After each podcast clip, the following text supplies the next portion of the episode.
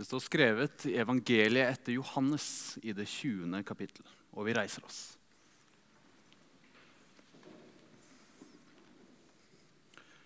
Thomas, en av de tolv, han som ble kalt Tvillingen, var ikke sammen med de andre disiplene da Jesus kom. Vi har sett Herren, sa de til ham. Men han sa, dersom jeg ikke får se naglemerkene i hendene hans og får legge fingeren i dem og stikke hånden i siden hans, kan jeg ikke tro. Åtte dager senere var disiplene igjen samlet, og Thomas var sammen med dem. Da kom Jesus mens dørene var lukket. Han sto midt iblant dem og sa, 'Fred være med dere.' Så sier han til Thomas, 'Kom med fingeren din. Se, her er hendene mine.' 'Kom med hånden og stikk den i siden min.' Og vær ikke vantro, men troende. Min Herre og min Gud, sa Thomas. Jesus sier til ham, fordi du har sett meg, tror du. Salige er de som ikke ser og likevel tror. Jesus gjorde også mange andre tegn for øynene på disiplene. Tegn som det ikke er skrevet om i denne boken. Men disse er skrevet ned for at dere skal tro at Jesus er Messias, Guds sønn, og for at dere ved troen skal ha liv i hans navn. Slik lyder det hellige evangelium. Yes. Hører dere meg? Ser dere meg? Ja. Ok, prekestol første gang. Spennende. Um, ja Det kan jo disse tingene, ikke sant? Er det jeg vet ikke åssen det føles. Er det fint? Er det litt rart? Kanskje litt uvant? Prekestol, liturgiske lys, evangelieprosesjon. Det er mye greier. Det går an å spørre seg om fjaser vi oss litt til med alle disse greiene. Noen av dere har kanskje fått med dere at jeg var i Frankrike i påsken. ITC. Det har jeg snakka om i lang tid i forkant. Og nå, dere, det blir ikke mindre. Nei da.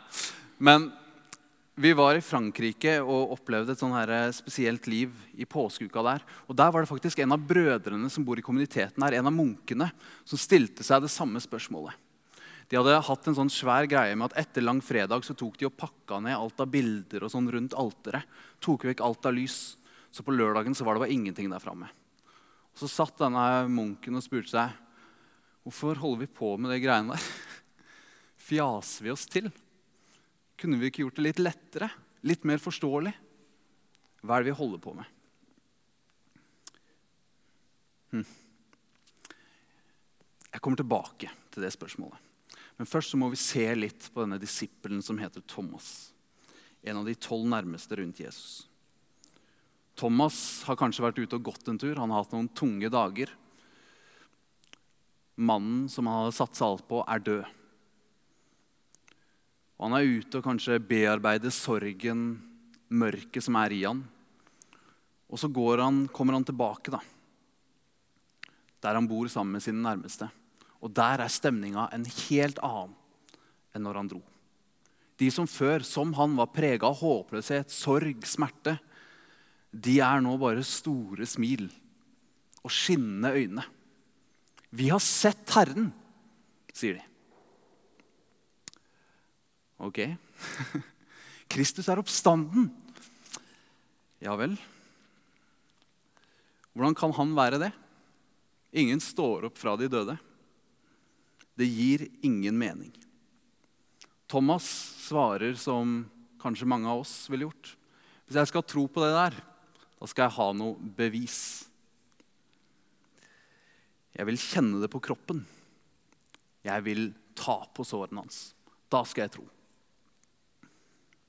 Thomas han blir ofte gitt tilnavnet Tvileren. Thomas Tvileren. Og jeg tror mange av oss som er her, kan kjenne oss igjen i Thomas. Jeg vet at i hvert fall jeg kan det. Jeg skulle gjerne hatt litt håndfast bevis. Noe som bare fjerna den endelige tvilen. For det kan være vanskelig å tro på at kjærligheten er sterkere enn døden. Kan lyset faktisk skinne i det absolutte mørket som døden er? Mørket, det kjenner vi godt. Det er ikke vanskelig å få øye på. Det er bare å skru på en eller annen skjerm, så får du døden i trynet. Du har korona i Kina. Du har krigen i Ukraina. Masseutryddelse av dyrearter over hele verden. Man kan spørre seg, hvis man skal være litt kritisk, sånn som Thomas, er vi litt naive i kirka, som står her og roper av glede at Kristus er oppstanden, når det fins så mye mørke i verden? Hvordan kan vi tro på noe så absurd? Og hvordan våger vi å tro på godhet i en verden som gang på gang demonstrerer mørke og sorg og smerte? Det er lett å være enig med Thomas. Vi vil ha litt bevis på det påståtte gode. Og I påsken så har de som har fulgt med på litt sånn sosiale medier, har kunnet se at en kollega av meg, eh, Tor Håvik heter han, Farmen-Tor, han har vært eh, ute og lagd en serie. Dere kan se den på YouTube. Det er en miniserie. Dere har sett hele greia på en time. Hvor han eh, går ut og så leter han etter bevis. Hvor sannsynlig hvor historisk troverdig er Jesus sin oppstandelse? Og det, det er en veldig argumentere for sannsynligheten av denne historiske hendelsen. Man har eh, kvinnene som er de første vitnene. Man har eh, noen evangelier som er overraskende troverdige. Og man har mange mennesker som påstår å ha opplevd den oppstandende Jesus. Men når Thor undersøker dette, her, så finner han ut det som vi kanskje allerede vet, at oppstandelsen kan du ikke bevise. Like lite som du kan egentlig bevise noen historiske hendelser. Du må sannsynliggjøre det. Og så kommer det til slutt ned på tror du på premissene.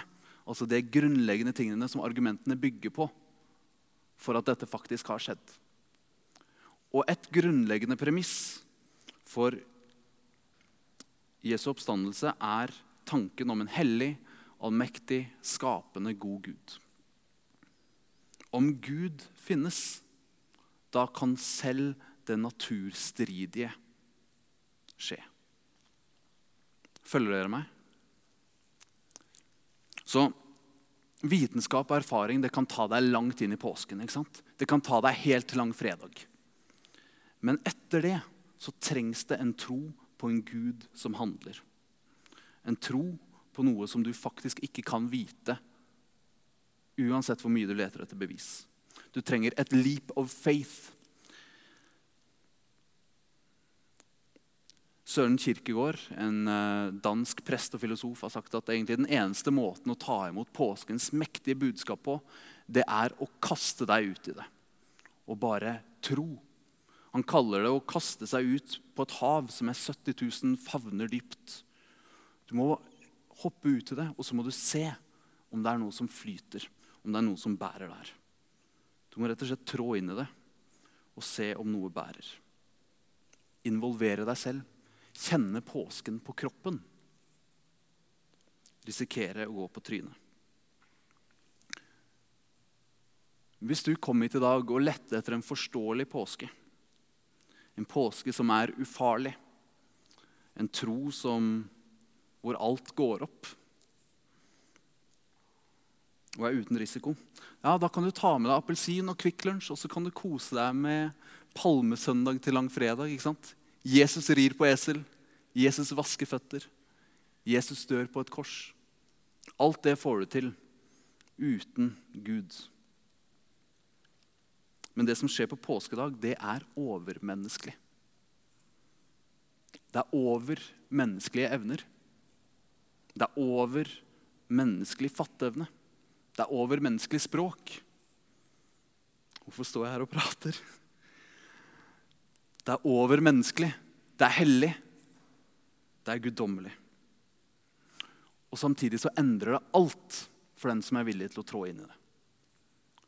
Og Det er grunnen til at vi holder på sånn som vi gjør. ikke sant? Det er derfor vi tyr til symbolske handlinger. Liturgiske klær, spesiell musikk. Det er ikke for at jeg skal stå høyere oppe enn dere.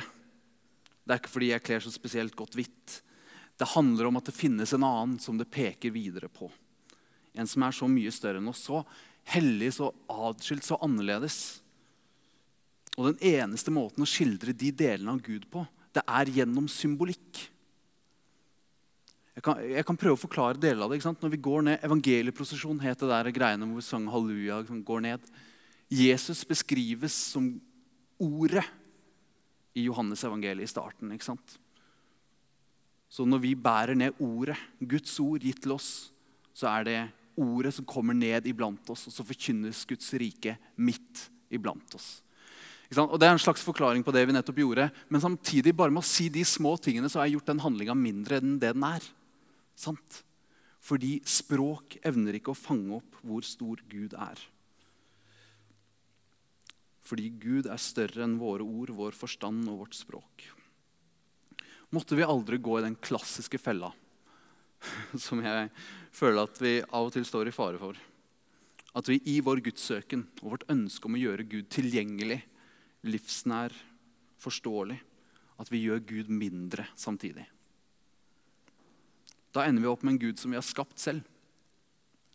Den guden den funker som personlig coach.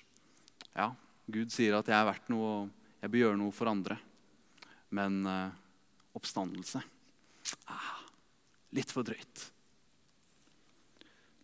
Vi kan ikke sette grenser for Gud. Gud skaper oss, ikke motsatt. Gud er per definisjon mer enn vi forstår. Gud er hellig. Når vi feirer høymesse nå, så er det for å gjennom handlinger og symbolikk skape en følelse, et rom, som evner å liksom fange deler av det. Det som er annerledes, det som er hellig, det som er litt rart, det vi ikke forstår. Og så kan vi kaste oss selv ut i det, trå inn i det med det som er oss her i dag.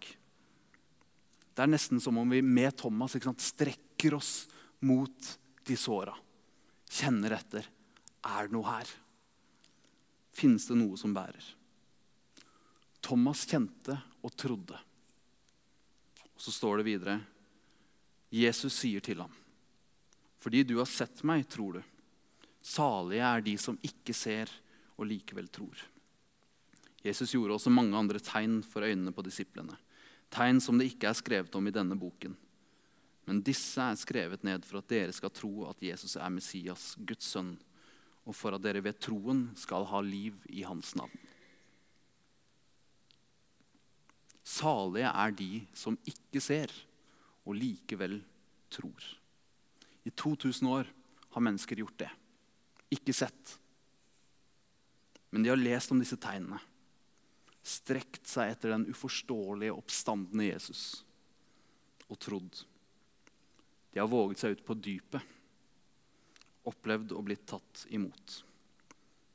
Og ved den troen så har de fått liv i Jesu navn. Og det betyr ikke, og det vet mange her i dag, at det betyr ikke at uh, lidelsen i ditt liv er fjerna. Det tok ikke bort mørket for alle de som trodde. Men det ga et håp, en trygghet, om at i det som virker bekmørkt for oss, umulig, endelig, dødt Der kan Gud fremdeles skape liv og lys. Jesu oppstandelse fra de døde endrer alt. Fordi det slår fast at verden er mer enn det vi kan fatte og forstå her oppe. Heldigvis så er det sånn. Sorgen får ikke siste ordet, mørket får ikke siste ordet, døden får ikke siste ordet. Nei, vi tror på en Gud som går inn i det mørkeste mørket og gjør død til liv for oss. Det betyr ikke at kirka fornekter ondskap eller mørke som fins i verden. Nei, evangeliet tar lidelsen i vårt liv på rammeste alvor når det sier at det eneste som, som kan gi håp, trøst, redning i en sånn verden, det er Jesu oppstandelse fra de døde. For om Jesus har stått opp, da kan Gud skape nytt liv, helbrede, reise oss opp. Der hvor våre evner, vår forstand, våre ord ikke strekker til.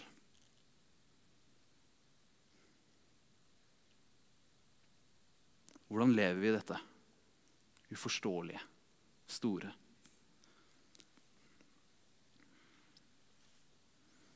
Hvordan responderer vi på Jesu oppstandelse?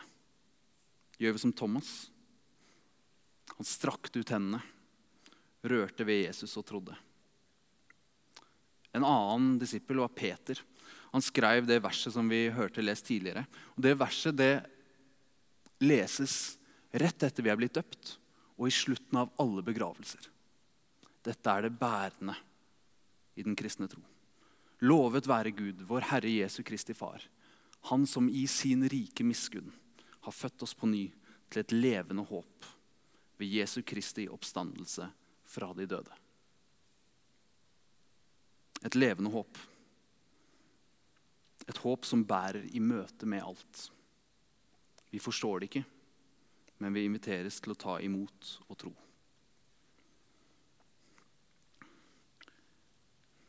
Jeg skal sitere en siste disippel før jeg eh, trår ned fra denne høye talerstolen.